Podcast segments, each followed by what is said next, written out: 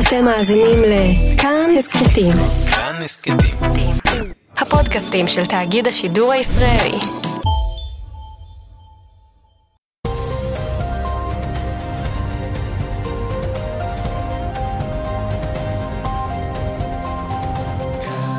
כאן רשת ב', כל ישראל מירושלים, שלום רב, השעה 11, הנה החדשות מפי זוהר סדן.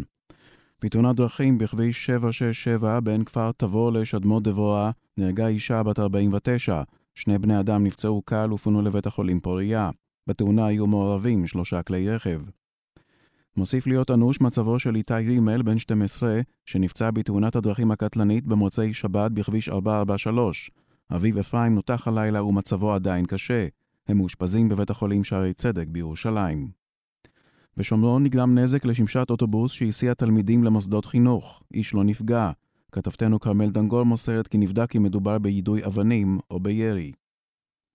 בצד הירדני של בקעת הירדן נספו 13 אזרחים של פקיסטן בשרפה שפרצה במבנה מפח בחווה חקלאית. שלושה בני אדם נפצעו, בהרוגים שמונה ילדים. כך מוסר קשבנו שמעון מיג'אן. ארגון שארית הפלטה ברגן בלזן בישראל הגיש תביעה דחופה לבית משפט השלום בתל אביב כדי שיורה לעצור את מכירת פנקס בית הדין של מחנה הריכוז שאמורה להתחיל מחר. בהודעת הארגון נאמר כי הוא קרא לבית המכירות קדם בירושלים להשיב לידיו את האוצר ההיסטורי כדי שיהיה נחלת הציבור והחוקרים. לדברי הארגון, בית המכירות לא נענה לבקשה ואף סירב לחשוף את זהות המוכר. הלב מצטמרר והדעת מתקוממת על ההתייחסות הצינית ולפיה הכל שכיר. ברור לכל כי הפנקס שייך לקהילת המחנה אשר הארגון בא במקומה, לשון ההודעה. כתבתנו אנטוניה ימין מציינת כי במסמך מתועדים היתרי נישואין שניתנו ליהודים מפולין ומליטא, שבני זוגם נשלחו להשמדה במחנות בברגן בלזן, באושוויץ ובטרבלינקה. בית המכירות קדם קבע את מחיר הפתיחה של הפנקס על 4,000 דולרים. ממלא מקום סמנכ"ל מבצעים ונכסים במשרד ראש הממשלה, אסף יחזקאל, פנה לבית הדין האזורי לעבודה בירושלים בבקשה להוציא צו שימנע את פיטוריו. יחזקאל החליף בתפקיד זה את עזרא סיידוף. הוא טוען בין השאר כי ראש אגף התקציבים במשרד ראש הממשלה, דורית שטיינמץ, ובעלי תפקידים אחרים, לקחו לידיהם חלק גדול מתפקידיו בניגוד לחוק.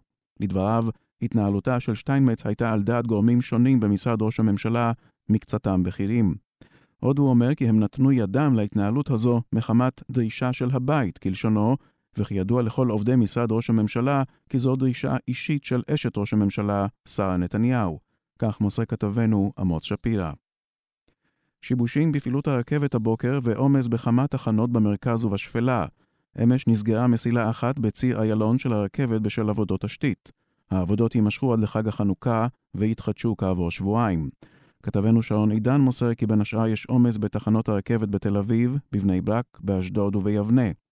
בשל העבודות תוגברו קווי רכבת חלופיים והופעל מערך היסעים בלא תשלום. פרטים על השינויים אפשר לקבל באתר רכבת ישראל. מהדורות החדשות שלנו זמינות גם בדיגיטל בכל עת, באתר וביישומון של כאן, וכן בטלפון כוכבי 9225. עורכי החדשות הילה מרינו ועמית שניידר. התחזית, ירידה קלה בטמפרטורות. ייתכנו גשמים מקומיים ברובם קלים מצפון הארץ ועד צפון הנגב. מחר וביום רביעי, בלי שינוי של ממש. בלילה יחל לרדת גשם מקומי בעיקר בצפון הארץ. ביום חמישי ירדו מעט הטמפרטורות והגשם יתפשט עד לצפון הנגב. יש סיכוי לסופות רעמים יחידות. מידות החום המנביות בירושלים 17 מעלות, בתל אביב 22, בחיפה 20, בצפת 16, בבאר שבע 22 ובאילת 25 מעלות. עד כאן החדשות, כאן רשת ב'.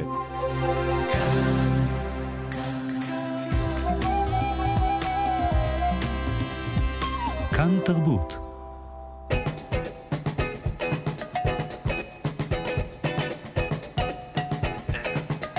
רק שאלה? רק שאלה, עם אבי שמאי. שלום לכם, אנחנו רק שאלה, בכאן תרבות, 104.9 וגם 105.3 FM. כמובן שאתם יכולים להזין לנו באתר האינטרנט של כאן וגם באפליקציה, יישומון החינמי והמשובח שלנו. תודה שבאתם. אתמול שודר הפרק האחרון בעונה הראשונה, ואני מקווה הראשונה מתוך רבות של הסדרה 84 בכאן 11. אנחנו, בפרק הזה אנחנו חודשים לאחר סיום הפרויקט, פוגשים את הזקנים שוב, וגם את הילדים. נדבר פה על הפרויקט כולו, על התובנות וגם על ההמשך. ביקשנו מהדוקטור יורב, יורם מערבי, גריאטר הדסה והגריאטר שליווה את הפקת התוכנית, לבוא לכאן ולדבר איתנו על כל אלה ועוד. שלום דוקטור מערבי. שלום וברכה. אתם מוזמנים להשתתף בתוכנית, לשלוח אלינו מסרונים בלבד למספר 055-966-3992. גם בזמן השידור הזה, ובעצם תמיד, זה כל הזמן פתוח לכם. על הביצוע הטכני מיכאל אולשוונג, אני אבי שמאי, עוד רגע מתחילים.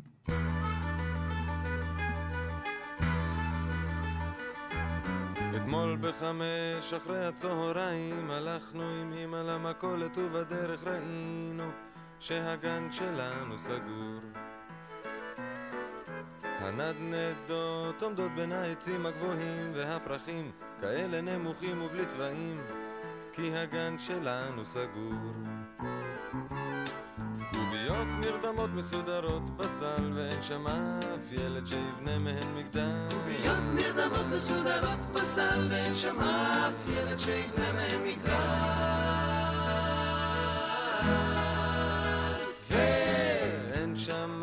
גננת שתגיד מה מותר ומה אסור. וכל הספרים מסודרים על המדף כי אין מי שישמע סיפור. לה לה לה לה לה לה לה לה לה לה קוביות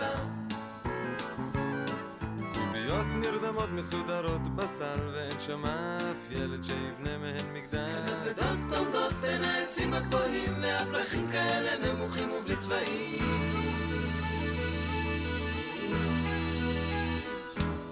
אתמול בחמש אחרי הצהריים הלכנו עם אמא למכולת ובדרך ראינו שהגן שלנו סגור. לא נעים לראות גן סגור. זה לא כל כך נעים לראות גן סגור. זה לא כל כך נעים לראות גן סגור. זה לא כל כך נעים לראות גן סגור. זה לא כל כך נעים לראות עוד גגן סגור לא כל כך נעים לראות עוד גגן סגור זה לא כל כך נעים לא נעים לראות עוד גגן סגור זה לא כל כך נעים לראות עוד גגן סגור זה לא כל כך נעים לראות עוד גגן סגור זה לא כל כך נעים לא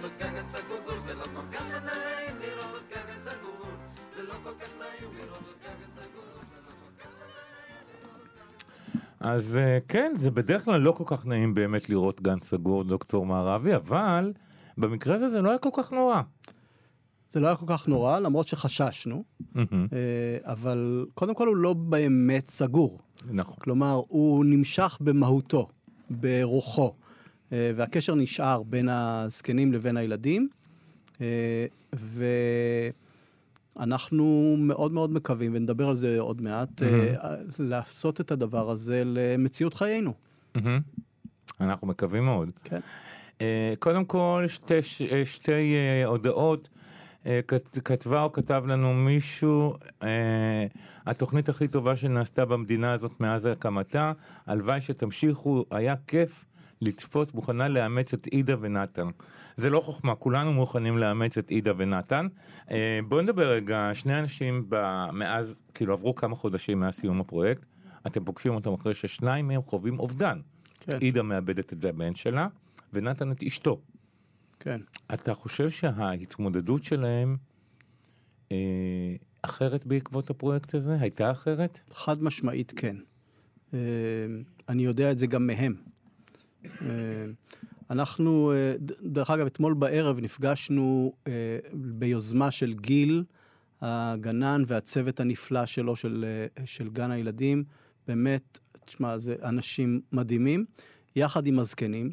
וישבנו בארוחת ערב וצפינו בשידור המוקדם של הפרק האחרון, ודיברנו על נושאים שונים. ושמעתי גם מעידה וגם מאחרים, אה, מה שקרה בסדרה הזו, במהלך השבועות האלו, זה קרו כמה דברים. ראשית, נוצר חיבור מאוד משמעותי בינם לבין עצמם, בין הזקנים לבין עצמם. הם גרים שם, חלקם גרים שם הרבה מאוד זמן, אבל הקשר היה קשר, הוא היה קשר לפעמים רופף, לפעמים לא קיים בכלל. ופה הפתיחות והאינטימיות שנוצרה בזכות הילדים, שחשפה הרבה מאוד דברים שלא נחשפים בדרך כלל, קרבה אותם, חיברה אותם. הם הרבה יותר מגובשים היום, הם עושים דברים ביחד. וכשקרו האסונות האלו, גם לעידה וגם לנתן, הם היו שם בשבילם. הם היו שם והם ליוו אותם וחיבקו אותם והשתתפו איתם. בנוסף, הקשר שנוצר עם הילדים והמשפחות של הילדים גרם לכך שבתוך האירועים האלה, הילדים והמשפחות ליוו אותם גם. זאת אומרת, אחת אי האמהות. אפילו מספרת שכשהם באו לנחם את עידה, הבת הביאה משחק זיכרון, נכון. ואמרה לעידה בואי נשחק. נכון. ואני חושב שזה כאילו הדרך הכי, הכי, אה, הכי נקייה, טהורה, אה, אה, אה, מהלב, כאילו בואי נס... אפילו בלי שהיא תבין אולי הילדה, נשחק, אולי תשכחי קצת ממה, שקור... ממה, ש... ממה שקורה. נראה אולי... לי שאפשר להשתמש בדוגמה הזאת כהגדרה של נורמליות. אוקיי. פשוט הטבעיות הזאת שיוצאת מהילדים, שאנחנו לא רגילים לחבר אותה עם הזקנים, פתאום התחברה פה, כן. במקום שהוא מאוד מעיק ושיש בו הרבה מאוד כאב וסבל, אתה רואה פתאום איזה משהו כל כך uh, טבעי ופשוט ונאיבי, שהוא הוא כמו פתרון. הוא כמו או שהוא פתרון? הוא... תראה, אה, בוא לא נייפה. אה, אה, הכאב של עידה זה, זה הבן שהוא היה כל עולמה. היא סיפרה שהיא הייתה מדברת איתו כל בוקר כן. בסקייפ, והקשר כנראה היה הדוק, הם דיברו אחד עם השני זה באמת. זה האדם הכי קרוב אליה היה, וזה באמת קשה. אבל, אבל זה השינוי שחל בחבורה, והקשר עם הילדים והמשפחות, אה, הקלו עליה ומקלים עליה. אפילו, אפילו אחרי, היא מתרגשת לקראת הביקור בגן. היא בוחרת בגדים, היא מנסה להחליט מה ללבוש. והיא אומרת, אני ממש מתרגשת. בעבר לא הייתי הולכת למקום, לאף מקום, עכשיו אני מתרגשת ללכת. נתן עם הזקן של האבלות, אה, הוא מגיע לאירוע שהוא במהותו שמח, אה, אה, למס- למסיבה בגן. אה, ולא יודע, הם נראים לי פתאום צעירים באיזה עשר שנים. ככה הם חלקם אומרים. אני בהחלט רואה את ההבדל ב, בתחושות שלהם, בהתנהגות שלהם, הם בהחלט שונים. הפחד הגדול שהיה מהוואקום שייווצר בתום תום הסדרה שכח, פחת. אה, אתה רואה, אתה רואה ששמחת החיים נשמרת ונמשכת. אה, אנחנו משתדלים, אה, אה, אנחנו משתדלים לשמור על קשר, ההפקה בקשר, הדיור המוגן, הצוות של הדיור המוגן מאוד מאוד, הם באמת יוצאים מגדרם כדי לעזור ולהמשיך. ויש אפילו כוונה להחזיר את הגן חזרה, לא על בסיס סדרה, אלא על בסיס קבוע. אז שזה כבר משהו שקורה במקום מסוים בבאר שבע. נכון. אני לא יודע אם שמעת על זה. אני מכיר, מכיר את האנשים, כן. אוקיי. הייתה להם כתבה בשבעה ימים, ניסיתי לדבר איתם ולא צלח, אבל אנחנו נדבר איתם, גם, גם איתם נדבר. אה, וזה, אז אתה אומר שהדיור המוגן שוקל לעשות את זה באופן קבוע? כן, הדיור המוגן הזה. הזה, ביתן אהרון. בית בכפר, בביתן אהרון, ששם הם נתנו את האכסניה, הם באמת אה, אה, עשו עבודה נפלאה, כי זה לא כל כך פשוט לפנות חלק מהדיור המוגן לצורך אולפנים והקלטות וכל הדברים האלה, הם, הם יצאו מגדרם, והם כי מה באמת...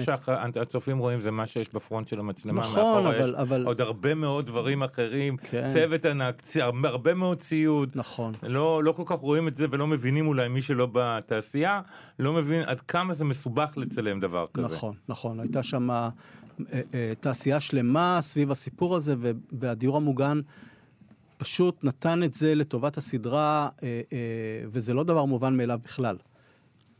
וזה שהעסקנים אה, עושים עכשיו תוכניות לעתיד, הם יושבים באוטובוס, ופרץ רוצה ללכת לראות את מקהלת הצבא האדום, פתאום הוא גם מייחל להיות בבר מצווה של אחד הילדים.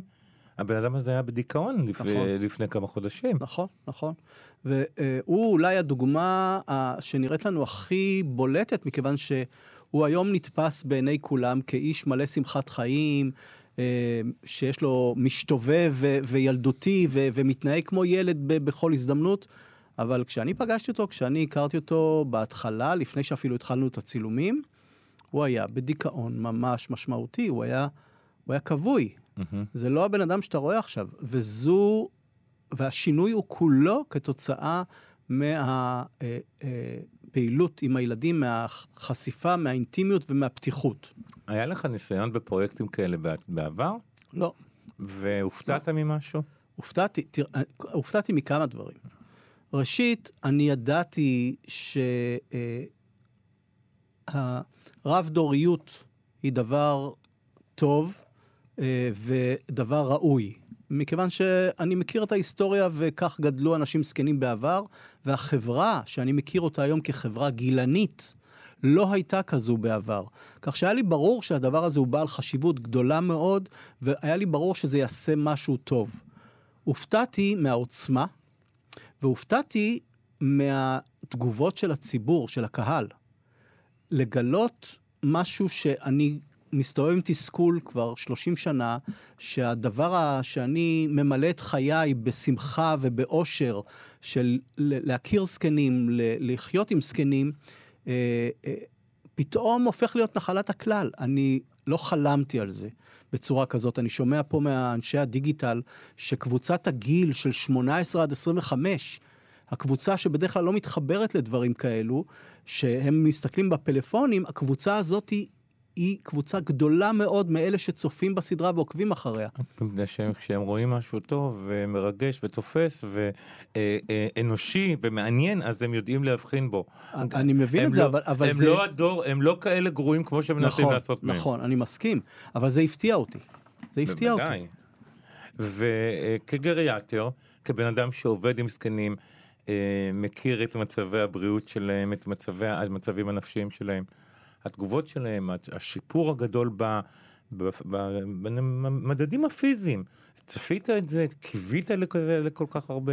קיוויתי, זה, זה יותר ממה שציפיתי, mm-hmm. כי היו פה כמה שינויים, זה כבר דברים של, של אולי אנשים שמתמצאים בתחום, למשל הנושא של כוח אחיזה, דברים שאתה קשה לשנות אותם, בטח בטווח כזה קצר, וזה כן הפתיע אותי, זה היה יותר ממה שציפיתי. אנחנו מקווים להמשיך עם מחקרים יותר...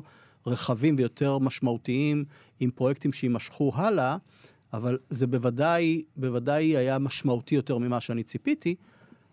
מאידך, ידעתי שהצורך של אנשים זקנים, או של כל אדם, לצורך העניין, במשמעות לחיים, בחשיבות של מי אתה ומה אתה עושה, יעשה טוב לכל אדם, בוודאי לזקנים שהם מודרים. Mm-hmm. זהו, ההדרה של הזקנים והגילנות הם שתי בעיות מאוד מאוד אה, אה, חריפות, מחריפות אולי בחברה שלנו. הייתה פעם חברה שפרסמה משקה קל וטענה שהעולם שייך לצעירים, ומאז אנשים כנראה קצת מאמינים בזה, וגילנות מתחילה היום גם גיל 45-50, אם אתה... אה... אני אומר לך יותר מזה, חלק מהזקנים הם גילנים. באמת? כן, כן. תסביר. אני נתקל בתופעה, למשל, יש... אה, היו לי מספר מטופלים שחוו אה, ירידה תפקודית. Mm-hmm. הם גרו בדיור מוגן מאוד יוקרתי, ולאחר האשפוז היו צריכים לחזור לדיור המוגן לא כקודם, אלא בכיסא גלגלים עם מטפל שיעזור להם.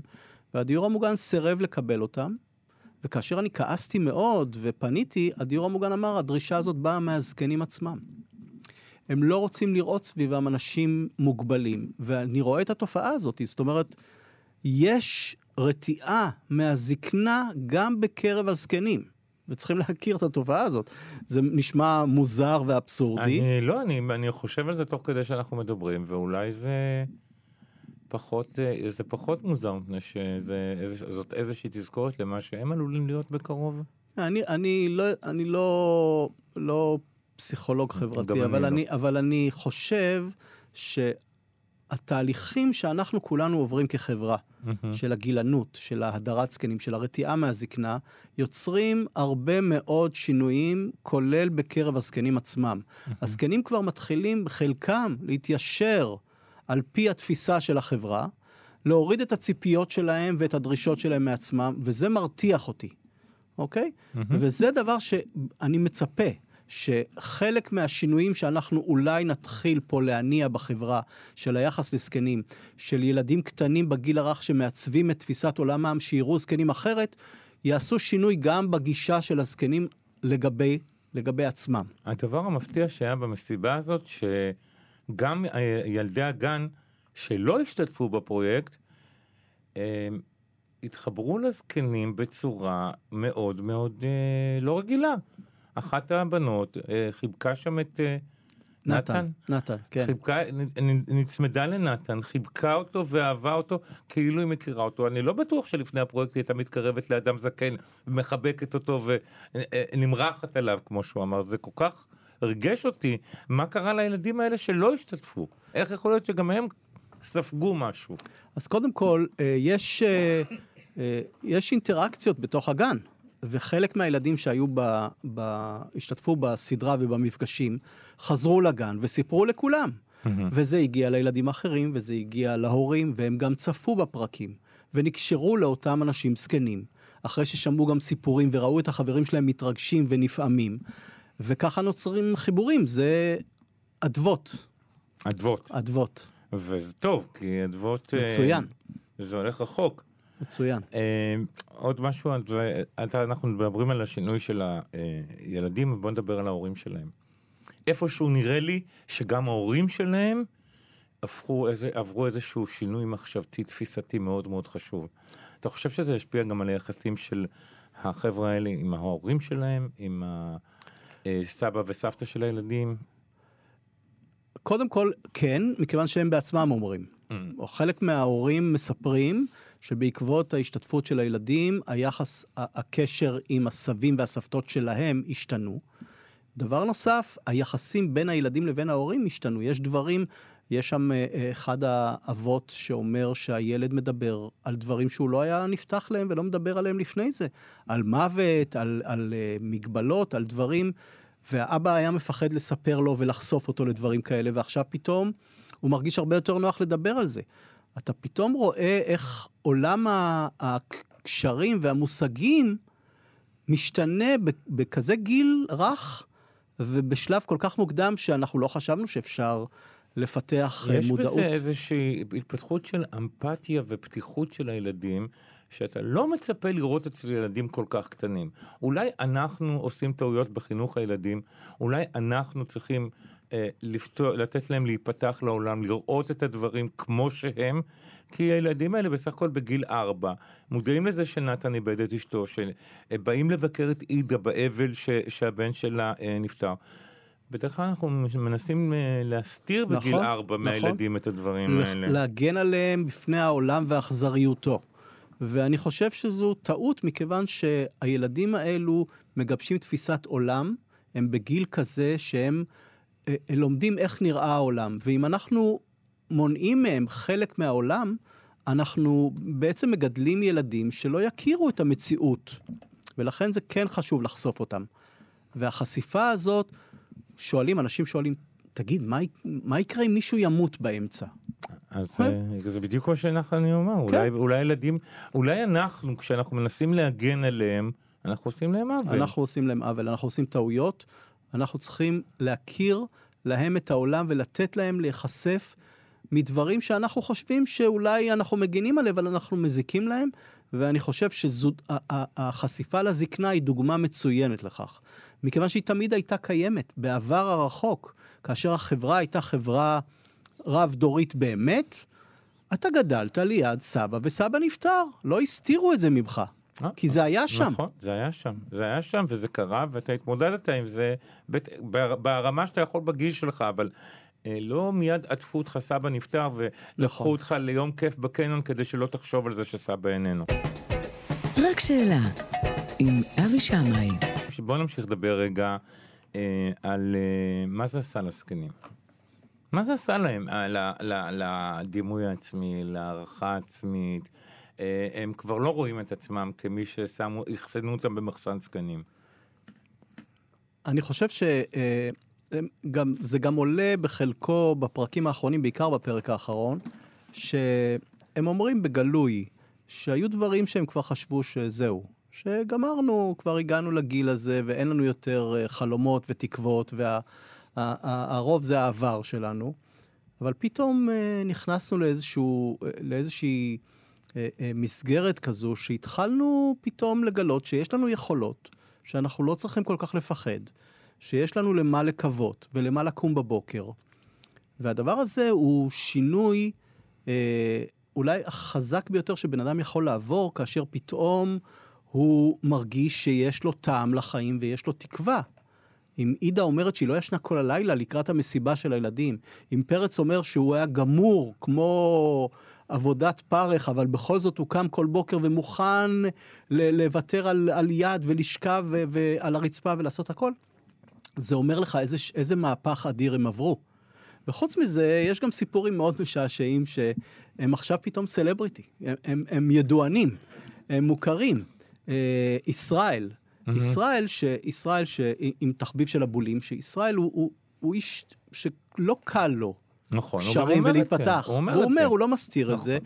והוא מספר לי שהוא הלך איזה יום בנתניה לעשות סידורים. הוא אומר, "אולי לא יכולתי ללכת 20 מטר ברחוב בלי שניגשים אליי אנשים. מכירים אותי, רוצים סלפי ותמונות, ובאים אליו פתאום אנשים מכל הארץ להחליף איתו בולים. אישה באה אליו מערד. זאת אומרת, החיים שלהם השתנו, א', בגלל שפתאום הם הבינו שיש משמעות לחיים גם במצבם, דבר שהם לא כל כך האמינו וחשבו בו קודם, וגם בגלל שהסדרה נתנה להם חשיפה ו... וגם מין פידבק רחב יותר מתוך המעגל הסגור שלהם. אתה חושב שיש שגם זקנים אחרים שלא השתתפו בתוכנית אה, מרגישים אחרת, שמתייחסים אליהם אחרת? אתה מאמין שהשינוי התחיל? אני מרגיש את זה, אוקיי. אני מרגיש את זה.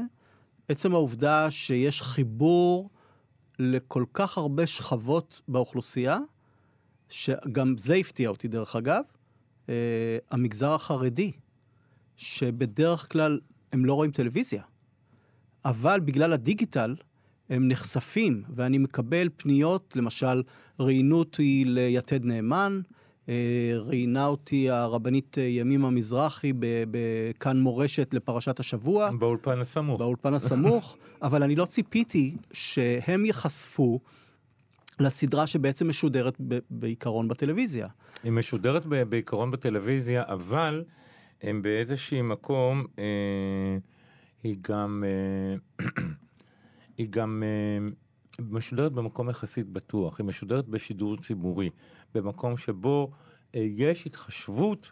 אה, בכלל הציבור, לכן, לכן הם אולי- נחשפים. אולי יותר אבל- בטוח להם כן. אה, להיחשף לערוץ, לערוץ, אבל עצם, לכאן 11. אבל עצם החשיפה שלהם, חשיפה כזו רחבה, וגם של שכבות גיל, כמו ששמעתי שגיל ההתבגרות ו- וצעירים שלא ציפיתי שכל כך הת- יתרגשו ויתחברו לסדרה הזאת, כולם מתחברים.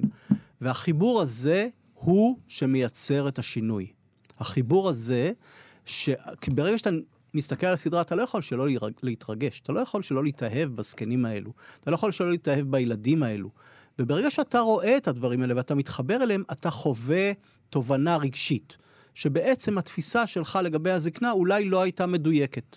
לא, אני באופן עקרוני, במקום שאני עוד לא זקן, אבל גם כבר ממש לא צעיר, זה עורר בי המון אופטימיות. כן, בהחלט. הזקנה היא, היא, היא לא, בוא לא נייפה אותה יותר מדי, אבל היא בוודאי לא הדבר הנורא והאיום שכל הזמן אנשים אה, אה, עוסקים בו ומדברים עליו, של סוף החיים וסוף נורא, ואני כבר אמרתי את זה לדעתי בפגישה קודמת שלנו, שהזקנה הולכת ומשתפרת עם השנים. כלומר, אותם אנשים זקנים, אתה, כאשר אתה תגיע לגיל זקנה, אתה תגיע לגיל זקנה במצב טוב יותר מהחבר'ה האלה שאתה רואה פה.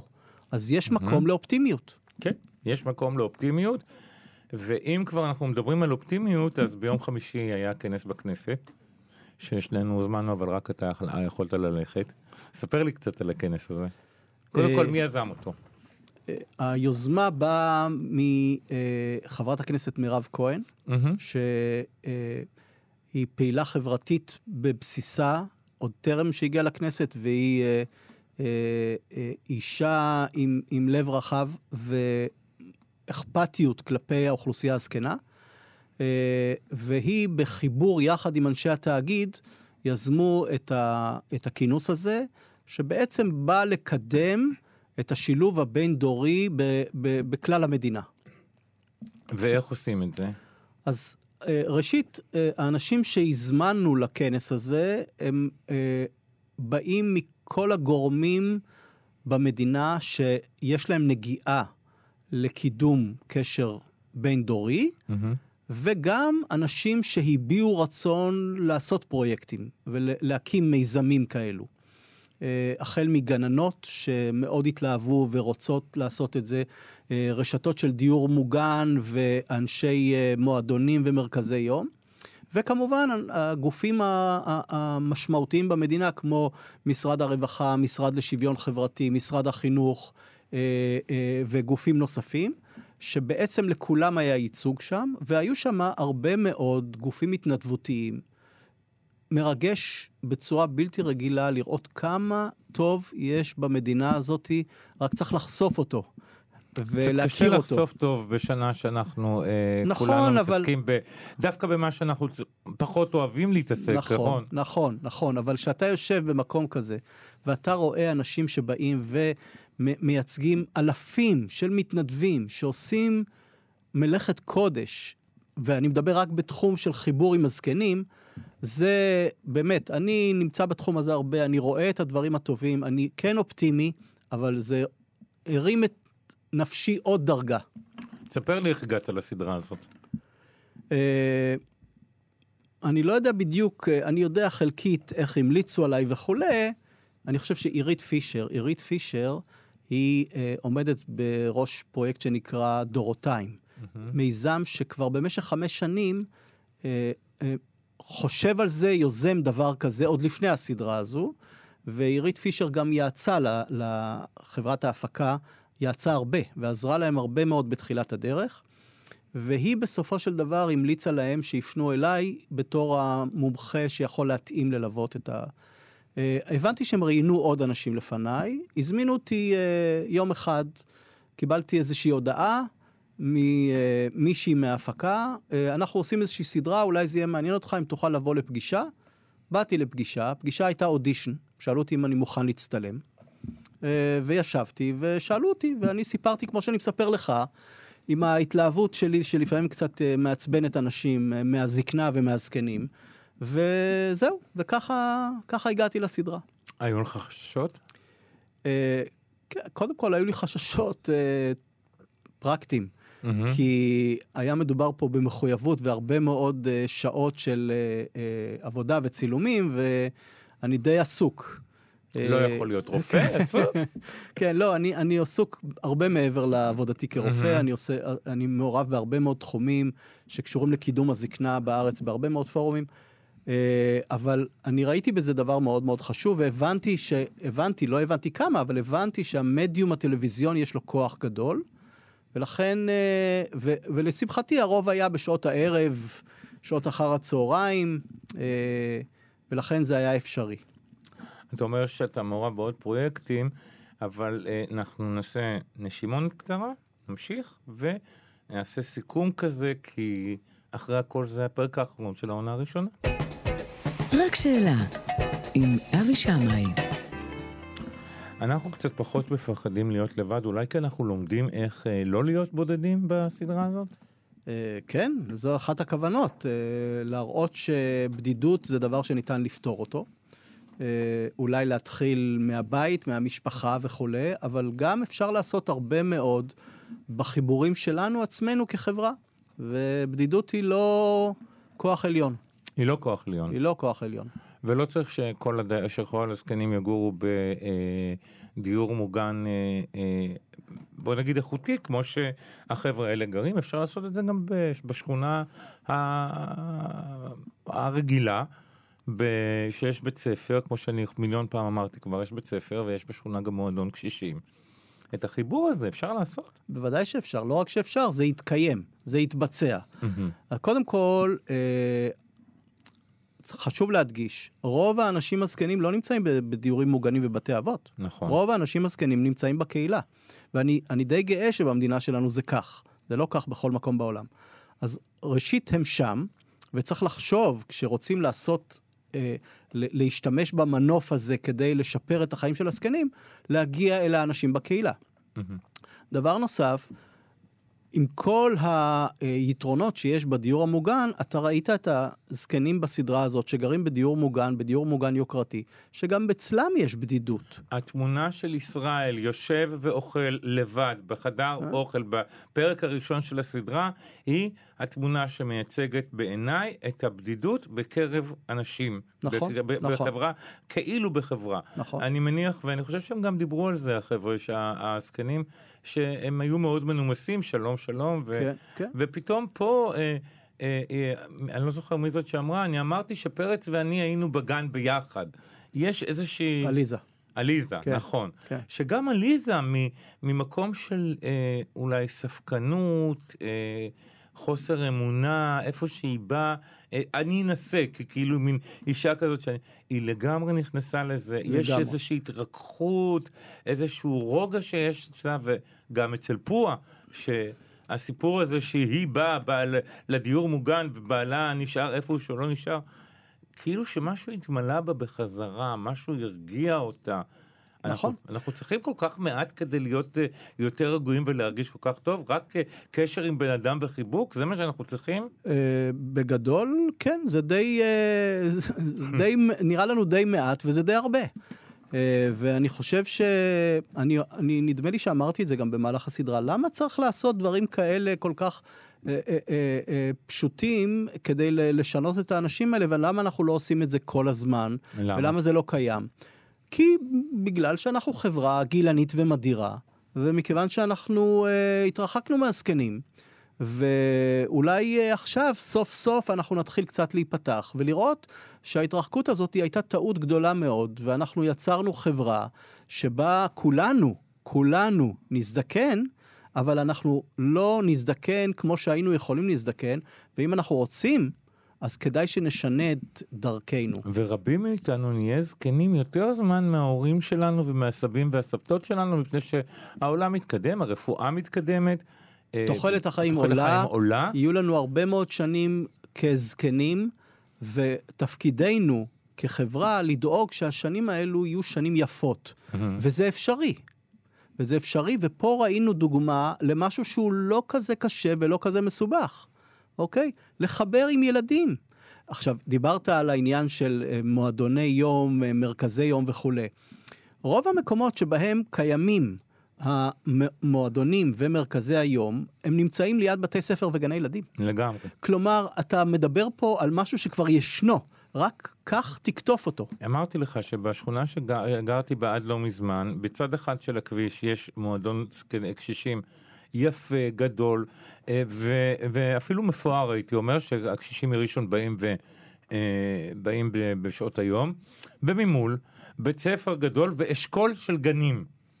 כן, כן. אז זה כאילו, אה, רק צריך לעשות את הגשר. בדיוק, בדיוק. ואת הגשר הזה אנחנו נעשה. אנחנו עכשיו מתחילים, אתה, אתה חושב שבעקבות הכנס בכנסת, קודם כל זה שתוכנית טלוויזיה, שאולי בערוץ ה, ש, שהוא עם פחות רייטינג משאר מש, אה, שאר ערוצי הברודקאסט, אבל הוא ערוץ ציבורי. הוא ערוץ אחר, יש בו מחויבות אחרת. אה, אני, אני חושב, ואני לא יודע אם תסכים איתי, שזה אחד הדברים הגדולים שיש בשידור ציבורי. שמה שמנחה את מי שחושף את מה שהוא חושף, זה לא רק הרייטינג, ופה גם הרייטינג דיבר, מפני שבדיגיטל מספרים לי שיש מאות אלפי צפיות לכל פרק, אלא הנושא, לעסוק בנושא, מה עוד היית רוצה ש... למה עוד היית מייחל שיקרה בנושא של זקנים במדינת ישראל? אז קודם כל אני, אני מסכים עם כל מילה שלך. אני לא, אני לא מכיר את עולם הטלוויזיה, אני בא מעולם הרפואה. נחשפתי אל עולם הטלוויזיה תוך כדי הסדרה הזו, אבל אני נחשפתי לאנשים בתאגיד שהם פשוט עובדים מתוך שליחות. זאת אומרת, זה בפירוש לא רייטינג. הסדרה הזאת לא הייתה יכולה לעלות באף ערוץ מסחרי אחר, בטח לא בצורה הזאת, ב... ב בחשיפת האמת שלה עם, הפ... עם הצדדים הכואבים, ובמחויבות להמשיך למנף את הדבר הזה. Mm-hmm. אני היום, גם ה- ה- הכנס הזה בכנסת, אבל כל דבר שאנחנו מתכננים הלאה, התאגיד שם, התאגיד רוצה לקדם את זה ועושה את זה, וזה הרבה מעבר לראייה צרה של השידור הציבורי, אלא זה, ואמר את זה המנכ"ל בכנסת, התפקיד שלנו לש, לשפר את החברה, לשנות את החברה, זה התפקיד. ואני מלא הערכה על זה, כי כך צריך להיות שידור ציבורי. כך צריך להיות שידור ציבורי, ולתאגיד יש עכשיו, ממשיכים, אנחנו ביחד, ממשיכים ל, ל, לקדם את הנושא הזה ברמה הלאומית. ואם תהיה עונה, עונה נוספת, תהיה שוב בדיור מוגן אה, אה, אקסקלוסיבי שכזה? תראה, אני לא יודע, אני... אני זה לא, לא... אה, בוא, בוא נגיד לא, לא מה אתה יודע, בוא נגיד אה, מה היית רוצה. היית רוצה עוד דיור מוגן כזה? לא, בוא לפ- נגיד את האמת, דיור מוגן אה, איכותי מאוד, ילדים מגן משכבה סוציו-אקונומית גבוהה. בשני המקרים, המפגש הזה אה, הוא מאוד מרגש והכל, אבל לא כולם ככה במדינת ישראל.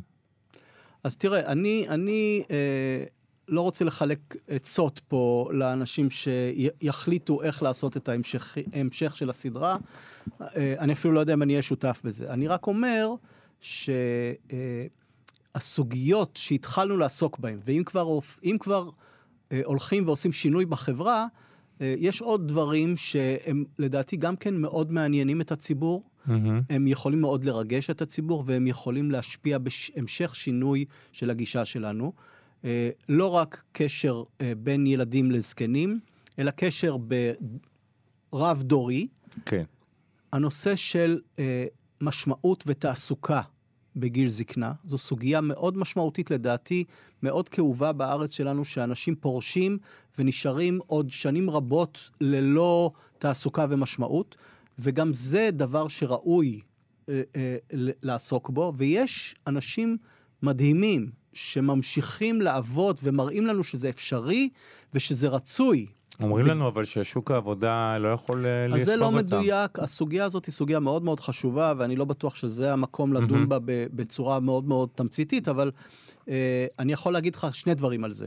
ראשית, אני משתתף בכנסים הגרונטולוגיים הבינלאומיים. אחד הכנסים ישבו שם אנשי כלכלה ואוצר מובילים בעולם. שהראו תחשיבים שאם מעלים את גיל הפרישה ומשאירים את הזקנים לתרום, מעלים את התל"ג של כל מדינה באחוזים משמעותיים. זאת אומרת, זה כסף. גם אחרי שאתה מביא בחשבון כביכול אבטלה בקרב הצעירים. והדבר השני, שברור שצריך יהיה לעשות מודיפיקציות, התאמות. כלומר, אנשים זקנים אולי יתאימו להם למשרות מסוימות, לרדת בהיקף המשרה וכולי. אבל אנחנו לא נוכל להמשיך להשאיר זקנים שמגיעים לגיל כזה בשיא עונם, עם יכולת לתרום כל כך הרבה, עם רצון לתרום כל כך הרבה, ולהתעלם מהם ולהשאיר אותם אה, לסבול מחוסר המשמעות שהייתה להם לחברה כל החיים.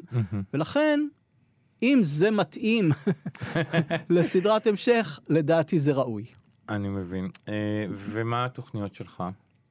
להמשיך, אמרת לי שהיומן שלך מלא ב, בעבודה ובאירועים, אה, אני- בפגישות, ובקושי הספקת לדבר איתי היום. נכון. אני מאוד שמח ש, שהדבר הזה באמת מצליח להניע.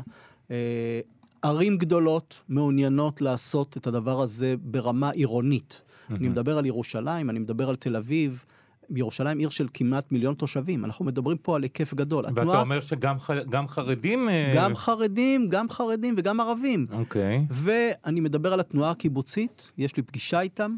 התנועה הקיבוצית, 257 קיבוצים, שבהם יש ילדים וזקנים. כלומר, יש, יש אפשרות שבעוד מספר שנים מהיום אנחנו נראה עשרות גנים כאלה קיימים ו- ומשנים את החיים של הזקנים ושל הילדים. אז אנחנו נייחל לזה. אני רוצה להודות לך מאוד מאוד על כל הפעמים שהיית פה, ולהבטיח לנו, לך ולי, שאנחנו נמשיך בתענוג הזה, אה, ואנחנו נמשיך לעקוב ולקדם את השילוב הדורי, ונילחם בגילנות ובאפליה נגד זקנים אה, כמה שאפשר, מפני שגם כשאתה בן ארבע, אתה בסוף תהיה בן 84. תודה רבה לך, דוקטור יורם הרבי. תודה רבה, תודה רבה. אה, זהו חברים, עד כאן, אה, רק שאלה להיום, תודה רבה לכם שהייתם איתנו, תודה למיכאל אולשוונג אה, על הביצוע הטכני, על הסיוע בהפקה, יאללה ביי, אני אבי שמאי, להתראות. אתם מאזינים לכאן הסכתים, כאן הסכתים. הפודקאסטים של תאגיד השידור הישראלי.